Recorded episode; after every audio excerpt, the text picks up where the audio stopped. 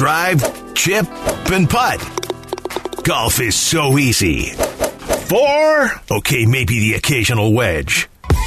Let's talk golf. It's the CDGA Golf Show on ESPN Chicago. Presented by the Glenview Park Golf Club. Now, here are your hosts, Mike Gilligan and Tyler Aki.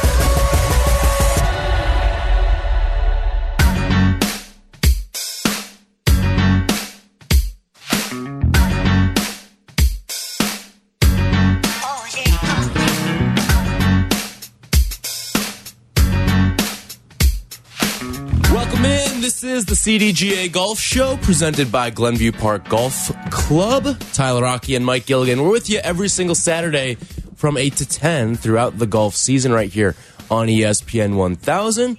You can take us on the go with the ESPN Chicago app, also in crystal clear HD on 100.3 HD2. And you can watch the show twitch.tv slash ESPN 1000 Chicago and also on YouTube Live. You can dial it up on your television, watch us right there on YouTube. 312 332 3776 if you want to jump on into the conversation. And Mike, we had a fantastic conclusion to the Masters last weekend.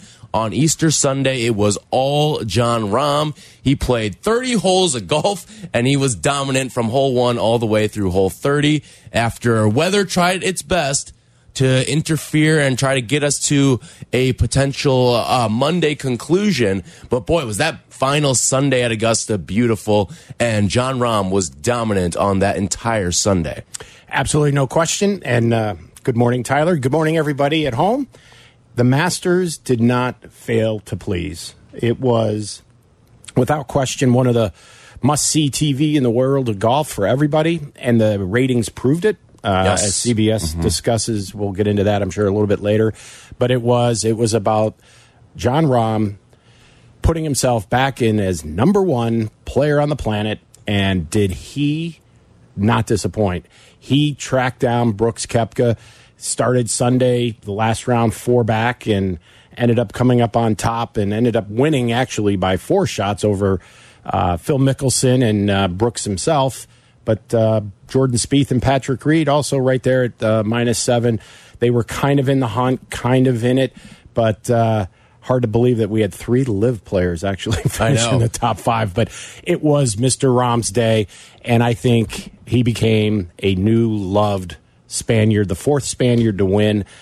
And I thought it was actually kind of cool when you start getting into the numbers. His caddy bib was number 49. I saw that. Mhm. And, you know, and so Sunday, for those, if you look at the calendar, was 4 9. It was Right. April 9th. And who was born on April 9th of significance, you know, from Spain is Mr. Seve Ballesteros. It would have been his 66th birthday. And so, like, everything that was supposed to happen did. Right. And, and it did in a way that I think pleased most of the golf ecosystem. And you know what? We probably should have seen this coming. Like coming into this event, we were talking a lot about, oh, Scotty Scheffler's been playing great golf. Is this Rory's time to break through at Augusta?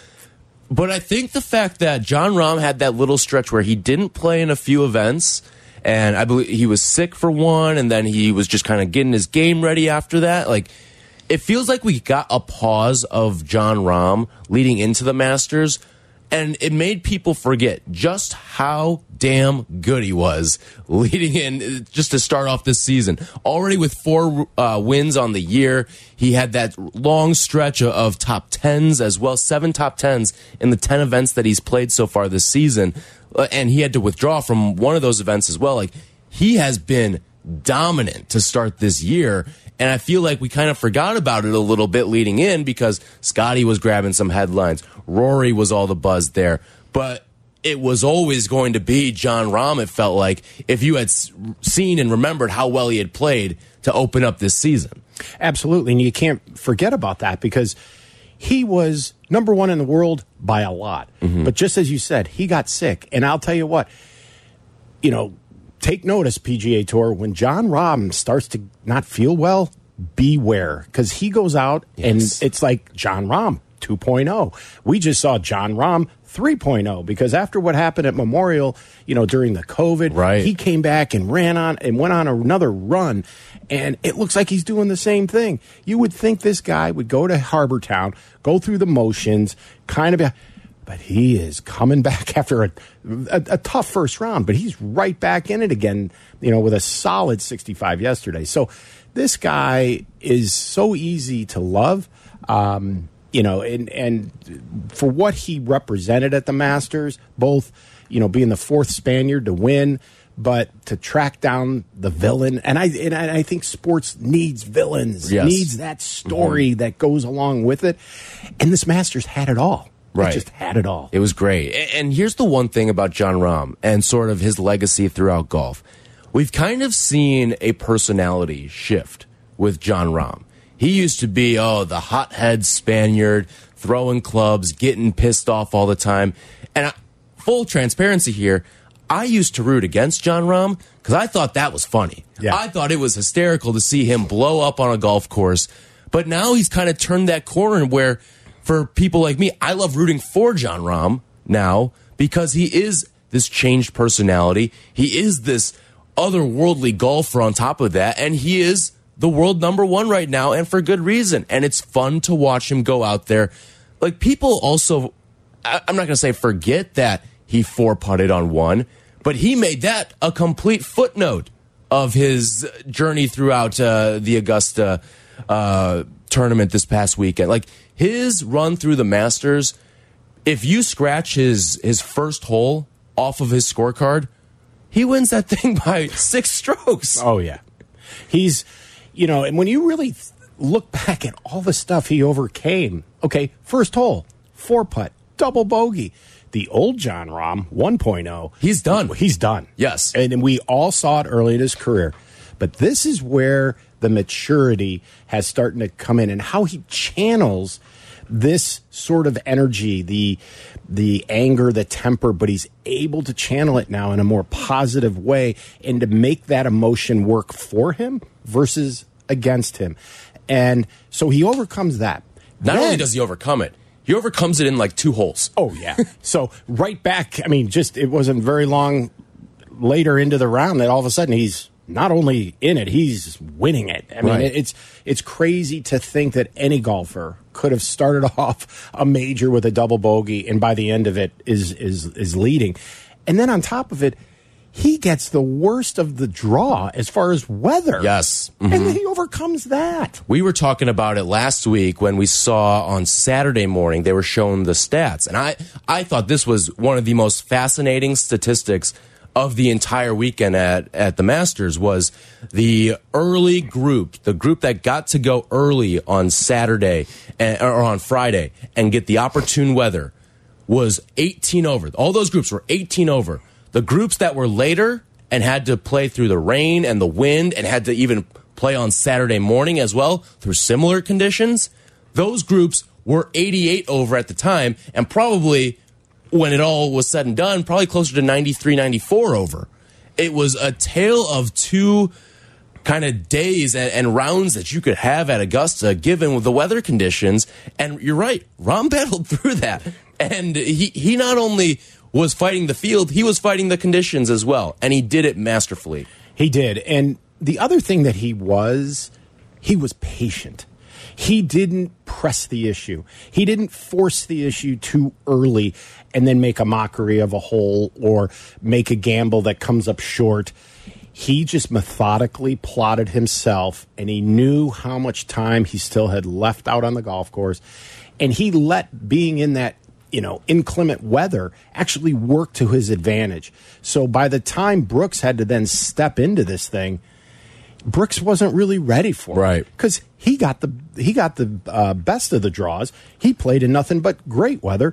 He woke up on Saturday and had a late breakfast, and you know, while you know the rest of the crew's out finishing, or on Sunday, I should say, and um, yeah, I, he just overcame so much, and I think by coming, you know, overcoming so much, he became so beloved. I could just feel the love on television, the fans, everyone wanted him to win. Yes. And that's really telling for a guy who's completely turned it around. And listen, given you could tell that whatever distractions were out there, and boy, were there plenty out there in those final hours at Augusta. And when he does get to the second nine, like there were all those distractions out there. He didn't let any of that mess with him. And like, there's the old adage, right? Like, you can't win a tournament on the first day, but you can lose it. And Jon Rahm, after one hole, looked like he was going to lose it. But just the maturity and the ability to kind of compose yourself. I mean, just looking at his round one, you know, he, he had a lot of really magnificent rounds, but his round one is probably the most impressive of it all. You talk about a guy who's two over through one, but by four, he's back to even. Birdie birdie is the way he finishes it out. And by the time he is done with the the, the first nine, he, he's three under. Mm-hmm. And for a guy who four putts on one and then he finishes the day seven under, tied for the lead with two others, it was a magnificent performance for him to rally out of that. And boy, he did not have a lot of bogeys over the course of his four rounds. He really didn't. And you know the for those who picked Jon Rahm as he walked off the first green of the first hole on day one, if I would have told you, yeah, but he's going to shoot nine under over the next seven, 17 holes, how about that? You mm-hmm. would have said no way. No.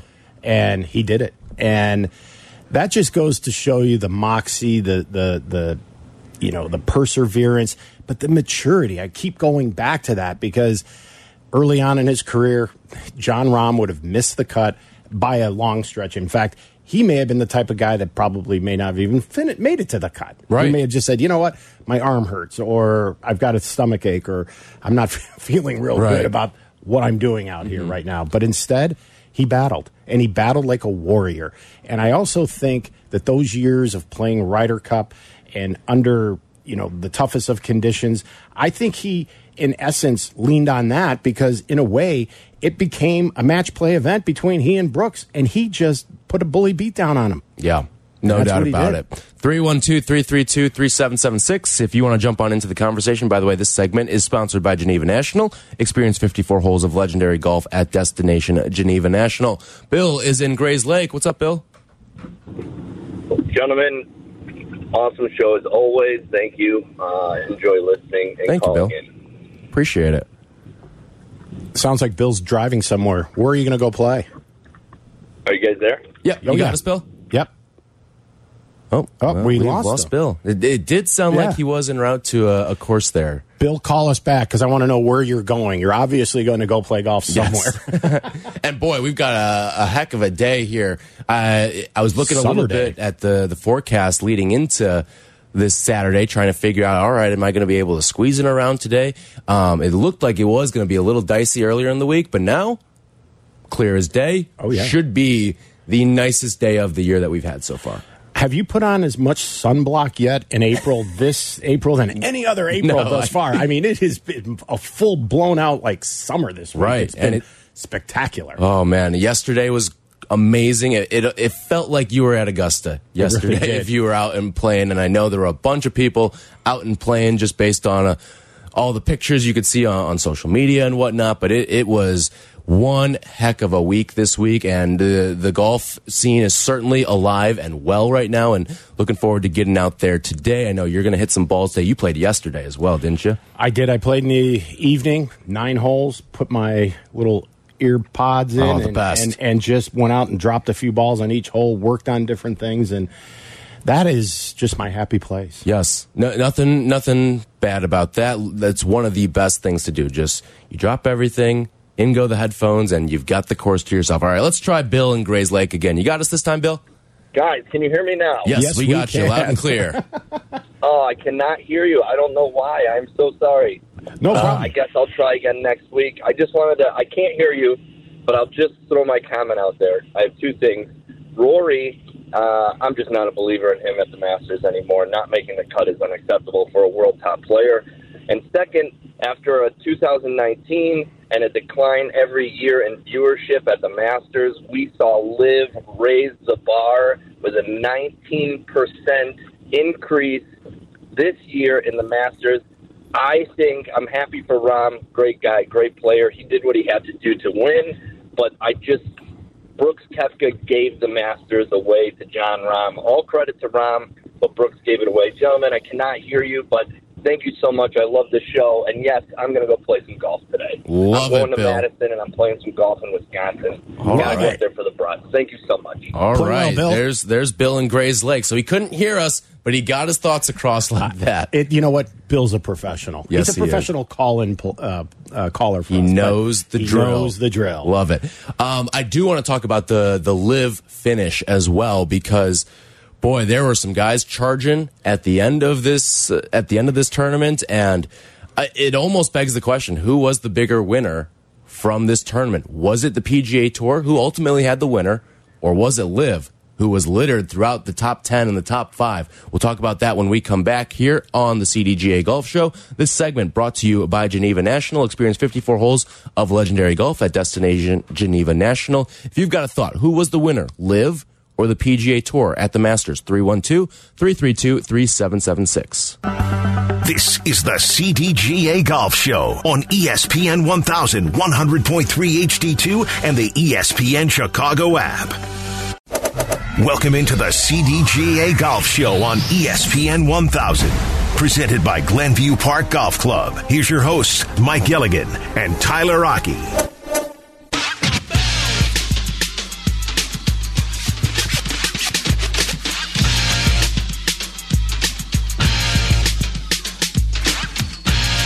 This segment is brought to you by Tour Edge. Tyler Aki, Mike Gilligan with you every single Saturday throughout the golf season, 8 to 10 a.m. right here on ESPN 1000. Talking some Masters, talking about Jon Rahm, his excellence down at Augusta, but also how about some of the excellence of the LIV golfers as well at the Masters? You'll look at the top five, and you've got three of them there Phil Mickelson, Brooks Koepka, and Patrick Reed. Mickelson and, and Reed each making some charges on the last couple of days there. But I do want to start with one thing because I know Koepka may be the bigger story in terms of, oh, we saw him in the final pairing. Um, he was there down the stretch. He had a chance. But Phil Mickelson and sort of the mistreatment of Phil Mickelson by CBS throughout the, the tournament on that fourth round, where he goes seven under and has one of the best rounds of the entire tournament. And it was just like he, uh, he was kind of there. Yeah. They, they, they did, they, he was on the pay no minds list. And that's what it looked like. And it, it really is sort of upsetting to see how Phil was treated. Yeah, and especially by CBS. Yeah. CBS loved Phil Mickelson. Yes. Whenever Phil was anywhere even remotely close to the lead, they'd figure out a way to get his name on that leaderboard, even if, we say, 13 people, others Yes. tied with just Phil's name up there, right? Right. So, and I know Jim Nantz and a lot of the CBS personnel there are very good friends with Yes. Phil. That's what made this even more alarming to me, or at least stand out in that regard. Um, but yeah, he's he's been a loved CBS person Yes. until this past week, and it was a big void, and it was disappointing because as viewers, we felt that that was taken away from us. I mean, how many more times are we going to get to see Phil Mickelson do Right. do anything because of number one his status as it relates to the PGA Tour, but Father Time. I mean, even if he comes back next to, next year to the Masters or the year thereafter, the year thereafter, is he going to finish eight under? I don't think so. And we missed a chance to really see some great golf from Phil that would have been more representative of what we saw at Kiawah. And that was really the last time we saw the real Phil. Yes. And, and like, think about it. When are we ever going to see, whether it's at a major or even on the LIV tour, when are we going to see Phil go seven under again in a round? We probably never will see it again. Yeah, and a credit to though Phil, he called this. He said, "I know I'm close. I know I'm going to Yeah. play well," and sure enough, he did. Um, that's a guy that's really in tune with not only his body but his mental approach to the game. And I think Phil, since the remarks came out, you know, over a year ago, and his jump to LIV, and you know, just going from the most beloved to you know, basically being the arch enemy, if you will, took its toll mentally on him and his game. And I think this was a very significant week for Phil, and it will be interesting to see what not only Phil, but what Brooks, Patrick Reed, and a few of the others that all made the cut. I mean, Liv did well. Yes. And I have to say, you know, aside from Jon Rahm, Phil Mickelson and Liv, they really won this week. Yes. I listen, I am right there with you. I think even with the performance of Jon Rahm, Liv won the Masters. They did. and you look at there was a world where we could have had a three or four man playoff, and that playoff would have been dominated by LIV characters. You could have had a playoff with Koepka, Mickelson, Rahm. You could have had a playoff with Rahm or Mickelson, Rahm or Koepka. You could have even had Patrick Reed's name thrown into the mix as well. Like those were the stars of the show. And I get that Jon Rahm was the one that ran away from this thing at the end. But when you look at that leaderboard and when you look at the big stories of what came out during the four days at Augusta, the story was Brooks and Brooks's revival. And is Brooks going to be relevant in the majors again? The story was Phil. The story was Phil Mickelson is back and he can, can he go out and win one last major, maybe even two. Uh, we you brought up the the whole father time issue. It looks like that. Who who would have thought we'd be at this point, and Phil Mickelson would be outlasting Tiger Woods? Exactly. And if you told me a year ago, after we had just seen Tiger make the cut at the Masters and Phil not participate in the event, who would come out on top a year from then? I would have said Tiger. I'm not saying Tiger would have blown him away, but it would have been a more of a question of would Phil even be in the event exactly. next year? Well, and and it's funny you take us back to that time last year, and I you would have had a line a mile long making that bet that yeah. Tiger would be definitely in a far better place with his golf game, his mental approach, everything, and you know, I keep going back to that double bogey that Jon Rahm made on the very first hole. Had it been the old Jon Rahm, we would have had a playoff between Phil and Brooks at eight under. Oh boy! Could you imagine that? That would have been. I mean, if you're Greg Norman right now, your feet are kicked up and you're feeling pretty good about the product that you put on display at Augusta as well. And, and here, here's another reason why I feel like LIV won. Think about some of the names that didn't make the cut. Exactly. And like from the PGA Tour standpoint, you saw Rory not make the cut. You saw Justin Thomas implode down his final two holes in the first two rounds, and he doesn't make the cut. Tiger made the cut, but Tiger was never really the story of any of this. And then, of course, he bows out uh, due to injury before his final round. So, what really was the the story of of the Masters. Like, sure, Jon Rahm was great. Sam Bennett was fantastic, but even the Sam Bennett story sort of faded off towards the end uh, when he was in the, one of those final pairings. And he kind of went off and, and ends up not finishing as well as we maybe would have thought. Like, you look at some of these players atop the leaderboard here, like Russell Henley. That's not a big name that's going to get the the golf world buzzing. Um, like some of these names at the top, like it's a LIV dominated field, sort of. When you look at the the Patrick Reeds, the Brooks Koepkas, and the Phil Mickelsons, those are the recognizable names that are sitting in the top ten. Yeah, and it just so happens that it, you know, with Phil, with Patrick, they've won. The, you know, they're past champions. Brooks, on the other hand, not a past champion, but has had the fortune of being able to play there a lot. So these guys are so so good. And I know people said, "Oh, the LIV guys, they're not going to practice much. They have no incentive. They have a lot of incentive. This is their incentive. This is their yes. incentive. You're, they may not you're care exactly about right. their tour as much, but when they get the opportunity to play in these majors, boy, you're going to see some of these guys kick it into another gear. And I thought you brought up a good point last week in talking about how would they handle that fourth round, right? Yep. Because they haven't played the fourth round very often as of late, and they listen, Brooks sort of fell off. Everyone else was pretty strong. Yeah, they were. And, you know, and I think it's just Brooks being in a new place under a new set of scenarios and, and mental approaches and aspects that he's got to contend with. And only he knows whether his game is solid or it's holding on by duct tape and band aids, right. which it kind of was, I guess, going into Sunday based on what we saw. but these guys can get themselves around Augusta on a lot of local knowledge. Now, when you go to Oak Hill or you go out to LA Country Club for the US Opens and the PGA Championships, courses that aren't in a regular rotation per se or on an annual basis, this will really be a test for the LIV players. Yes. Uh, and it is going to be pretty intriguing there. Let's go on out to the phones. Jack is in Hilton Head Island. He's listening on the ESPN Chicago app. Good morning, Jack. Good morning, Good morning. Mike and Tyler. Hey, you're reporting in from Hilton Head, huh? Can you hear me? Uh Uh oh. We've got a problem. Might be an us problem here. It could be a problem Jack, on our. let- let's get you on. hold right here. We'll try to figure out some of the tech specs here. Uh, 312 332 3776. You want to jump on into the conversation? We'll try to get all of that squared away. By the way, Jim Nugent from the Global Golf Post will join us at 9 to give his thoughts on the Masters and more from the world of golf. Um, but yeah, just in terms of the the LIV versus PGA Tour, I think it is. It, it was a LIV dominated event, even though the PGA Tour had the winner.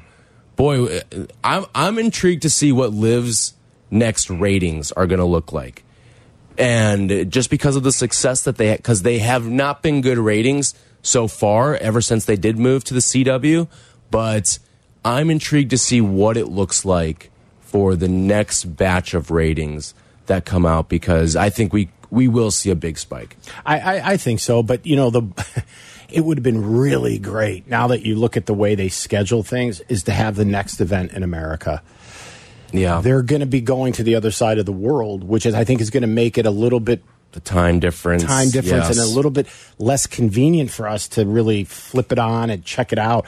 But I think to your point, they're going to have some more curiosity and, you know, guys wanting to check this out. I mean, just to say, you know what, there was so much talk about it. I at least got to give it a chance. Yeah, no doubt about that. All right, when we come back, we will get into a little bit more Masters talk as well and take all of your phone calls 312 332 3776. Also, if you're heading on out to play today, hit us up and tell us where you're headed because we would love to hear from you if you're on your way to go get in. Maybe it's your first round, maybe it's your fifth round of the year, maybe it's even more than that as well. This segment has been brought to you by Tour Edge, the CDGA Golf Show. We'll be right back. This is the CDGA Golf Show on ESPN 1100.3 HD2 and the ESPN Chicago app.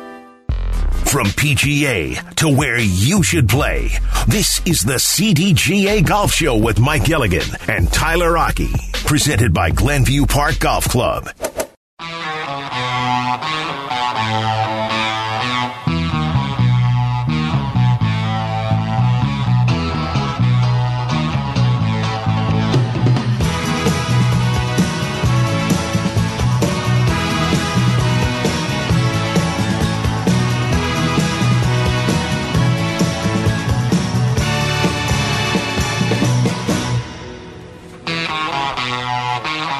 It's the CDGA Golf Show, presented by Glenview Park Golf Club. Tyler Aki and Mike Gilligan.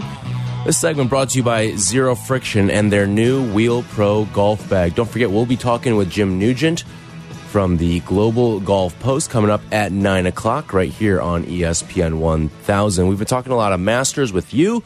If you've got a thought you want to chime in, you like what you saw, you didn't like what you saw from Augusta a week ago, 312 332 3776. We'll get to all of your calls in just a second here, but we, we've been talking a little bit about LIV versus the PGA Tour and just sort of who won. And you look at the the top five, the top ten, and the leaderboard. It uh, to me, it's pretty hands down. Even though the PGA Tour had the winner of the event, I, I do think LIV Golf won the event because you look at the names at the top. You look at some of the most recognizable names in that top 10, they are LIV dominated. And you look at like Jon Rahm, Jordan Spieth, those are names that people know. But you look at some of the other names that are in that sort of stratosphere in terms of the leaderboard Phil Mickelson, Brooks Koepka, Patrick Reed. There, that's a high Q rating right there. Even though they're on the LIV tour, I do think that this this crop of LIV players really, really showed something. And I think surprised a lot of people. Well, if you just take the amount of major championships won by those three players, Mickelson, Koepka, and Reed, and add up the top 10 Mm-hmm. uh, who finish in Augusta, and they by far have more majors Yes. Than any of them. So, yeah, household names, they were. Now they've become kind of the villains. But you know what? That's exactly what made this must watch TV. This is what drove up the ratings. And you know what? The PGA of America, the USGA, and the R&A are all licking their chops saying, mm-hmm. boy, if we could get a little bit of what happened at Augusta at our events, that would be perfect utopia. you think about it too, like if you had asked me how many LIV guys would finish in the top 10, I would have said maybe one, but I wouldn't feel confident about it, I don't think. And the fact that we get three in the top five, Exactly. like that, that's great theater right there. I think you know Vegas. I think had it at like one and a half. You know uh, that you think uh, LIV players will finish in the top ten or how many? Right. And yeah, this was this was a shock to a lot of people in golf and a lot of I would have loved to have been on some of the meetings behind closed doors Thursday night, Friday night, especially Saturday night at Augusta. Yep. About how are we going to handle this or how are we going to handle that? And obviously the Greencoats got to somebody at the CBS compound and said, "This is what you will do, and this is what you will not do." Yep. All right, let's try this again. Go on out to the phones. Jack in Hilton Head, home of the RBC Heritage. Jack, you got us? Morning. Good morning. Mike, Can you hear us? Tyler. You got us? Hello from sunny Hilton Head Island. All right. So you can hear us, okay? Right? I guess not. Oh no. All right, we are going to put Jack back on hold there. We will try to to tidy up the phone situation right now. Um, but yeah, you just looking through the the leaderboard and everything that you you kind of saw. It does feel like a a LIV LIV really came out on top, and and it's good to have this sort of back and forth because all right, what's the PGA Tour's next move? Because you know Jay Monahan can't be happy with how everything went down um, even though this is not a quote unquote PGA Tour event. Um, but you know that he probably feels a little embarrassed right now by all of this. Sure. I mean, you know, you you you you think you've got them right where you want them, and then they get away, right? And so I think what this has clearly demonstrated is that the four majors, given the decisions made by the governing bodies to allow LIV to play, they will have a stronger field than anything the PGA Tour will ever put out because they've banned all these guys. So you will have a just a huge discrepancy between the top four events and then the next best field, whether it's, you know, at a designated event or the players championship. You know, aside from that, we're going to, that's why these majors are going to be that much more hyper focused because of what we just saw at Augusta. And we finally get to see all of the world's greatest come together to play against one another. And that, from a golf spectator fan perspective, is all we really want. Um, and we get that with now next up the PGA Championship, then in June the U.S. Open, and then the British Open, or as they say over across the pond, the Open. Um, but yeah, Jay Monahan and the rest of the crew are scratching their head, going, geez, what do we do next? Um, and the only thing they can hope for is that ultimately time has these guys weeded out because they drop in the official ranking points or their exemptions begin to run out. Um, you know, guys that have won the Masters, that will never go away. But, you know, when you win a major, you basically get about five years exemption into all the other majors. So when all these start to wear off, the amount of LIV players in the field are going to are going to be reduced and reduced dramatically. Um, but that time can't come fast enough as far as Jay Monahan is concerned. Uh, Let's talk a little bit about the television ratings too, because the they were through the roof. The Masters with a five-year high for their ratings, thanks to the PGA Tour LIV Showdown. I was a little surprised actually when I saw that it was a five-year high. Um, I know that Tiger when he won in 2019 it was he was in the morning round because of weather everything was pushed up and and whatnot but still was a little surprised because they're e even though like okay we brought up Phil was at the top and he finishes in second, but he needed to shoot seven under to finish in second. Like he was way down the leaderboard before he made his Sunday charge there. Um, I was I was surprised to see the ratings up where they were and hearing that it was a five year high for the event. Likewise. And the reason I say that is when we were at COVID and we had the one Masters Right. played in November, Yep. I thought that thing would have been the all time, all time. But I was quickly reminded, and do you know where the number one most televised major is? From The Masters? the oh it was uh it was Tigers first. That's right. Correct? 1997, 44 million people. And this one had, what, an average of over 12. Yes. So that tells you just how significant the Tiger factor was back then. But I still cannot believe that it, it outperformed the, ma- the, the, the first major or the Masters played in November when most of the countries in pretty cold fall heading to winter you know weather that Can't go outside and do yeah, you can't really really. do much i mean um, you know aside from maybe competing with the nfl got it but this was different Yeah. um, and so again i it just proves the theory that we love to have villains as part of the uh, the overall landscape of what we're doing and what we're watching because there's nothing greater than sports Yeah, and, and like thinking about this too, like I I kind of forgot how relevant and popular Brooks Koepka was, and I think this event really showed you just how beloved he is in the golf community and how much people enjoy watching him when he's at his best. Nobody likes the the Brooks Koepka that you heard it from a year ago at the Masters. He he gets cut and he, he's trying to punch through a Mercedes window, right? Nobody likes watching that iteration of Brooks Koepka. But the one that we got for four days at Augusta this year, pe people will tune in for that, and the ratings clearly reflect, reflected that. No doubt. And, you know, Brooks marches to the beat of his own drum, I'll tell you. You know, and it's amazing as I watched uh, his colleagues, the Phil Mickelsons and Patrick Reeds, wearing their logos, their team logos on the shirt. Brooks would have none of that. Brooks tried to return back to who Brooks was. Yes. You know, Mr. Nike, nothing else on my shirt. This is how I used to do it. And this is my mindset. And he tried to go back to the days of when Brooks was Brooks. And, you know, but I also think, again, Brooks suffering with a lot of those knee issues and battling the health issues as we saw on the documentary Full Swing. You know, very contrite, very humble man, right?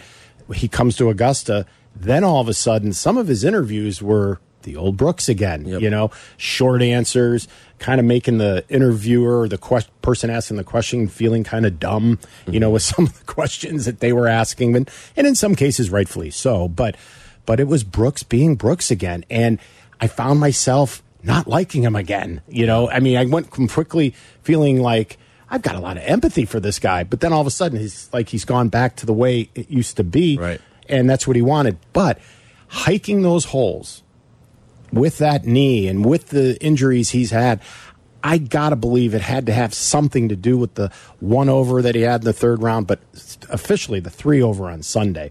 He just could not find it. He was out of sorts, and and again, uh, you know, playing four full rounds under this type of pressure, this type of scrutiny versus 54 at a shotgun start, you know, continental breakfast and the rest of it. You know, it's just it's two different platforms, and uh, we saw flashes of brilliance from Brooks, but uh, at the end of the day, yeah, Mr. Rahm took him behind the shed and you know had his way with him and won. Yep. All right. When we come back, we will take a look at what is going down at Harbour Town right now in the RBC Heritage. We'll do all of that, including the conversation about Rory McIlroy, too. Not a part of this event. Meanwhile, Jon Rahm is a part of it. So we will do all of that when we come back. This segment brought to you by Zero Friction, the most innovative products company in golf. The CDGA Golf Show will be right back. This is the CDGA Golf Show on ESPN 1100.3 HD2 and the ESPN Chicago app. Golf is on your mind and on the air right now. This is the CDGA Golf Show on ESPN 1100.3 HD2, and the ESPN Chicago app. Presented by Glenview Park Golf Club.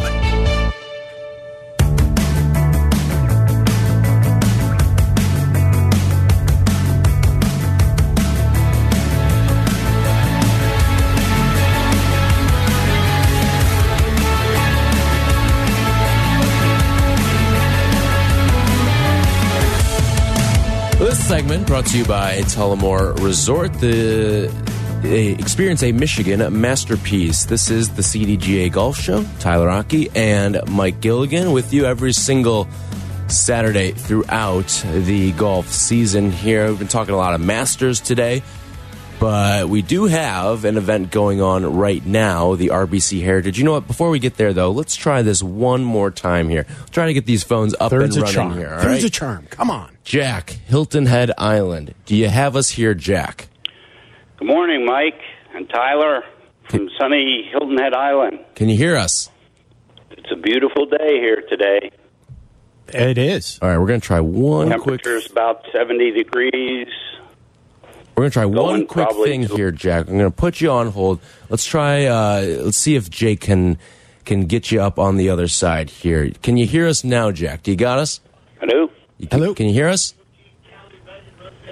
Well, I guess it is just not meant to be. It's not meant to be today. These phones are just Yep. Triple bogeying left and right. Yep. Unfortunately, we will we will try to to get all that ironed out there. But w- let's just taking a look at the leaderboard here of what's taking place. And I wish we could have Jack on here, Yeah. because he is down in Hilton Head Island, giving us a little weather report right now. But from everything that I've seen on social media and the the moments I've watched as well, a lot of pin hunting. Oh, down yeah. there at Harbour Town. Uh, Jimmy Walker is your three stroke lead right now. He is 12 under. Then you've got a trio tied for second right now of Xander Schauffele, Justin Rose, Scotty Scheffler, uh, Viktor Hovland, Patrick Cantlay, Aaron Rai, and Ma- Mark Hubbard and Tommy Fleetwood all at eight under.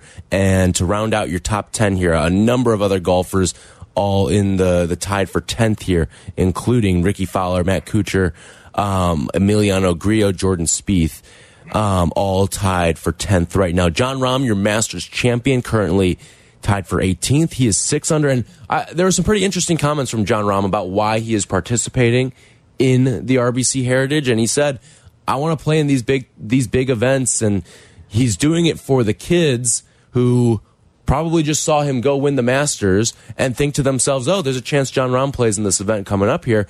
And he wants to fulfill that, make sure all the kids are able to see someone like that.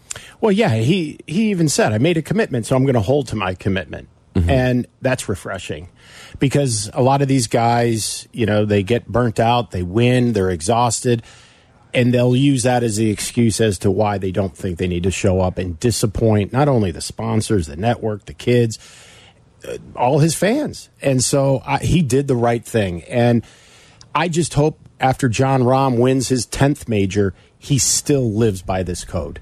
Yes. Um, it's it's awesome that he did this, and I think you know the golf gods are going to treat him accordingly this weekend, whether he wins or not. But he has come back. He's you know he's factoring into this thing now. Will he be a major factor? You know, today and tomorrow will tell. But uh, yeah, he's he's at where I think is one of the great golf courses that that the tour gets to play is at Harbour Town. Yeah. Um, it is one of their favorites uh, year in and year out. Looks great on television. Oh, and and I'll tell you, some of the smallest greens. Only Pebble Beach has smaller greens than Harbour Town. Thirty seven hundred square feet is the average of these things. You mix that up with a little bit of moisture that they've been having down there, and these guys can fire darts, and mm-hmm. they'll make a lot of birdies on this course if you're hitting it straight there because it's like, it's it's it's narrow. It is so narrow. The golf course is not exceptionally long by PGA Tour standards whatsoever, but if your iron game is not on par, you're going to have a very, very tough day at Harbour Town, and you're going to spend a lot of time in the sand for sure. Mm-hmm. One player that did not participate is Rory McIlroy, and as a result, he will be forfeiting three million dollars as a result of the the PIP, the Player Impact Program, that was set up a couple of years ago.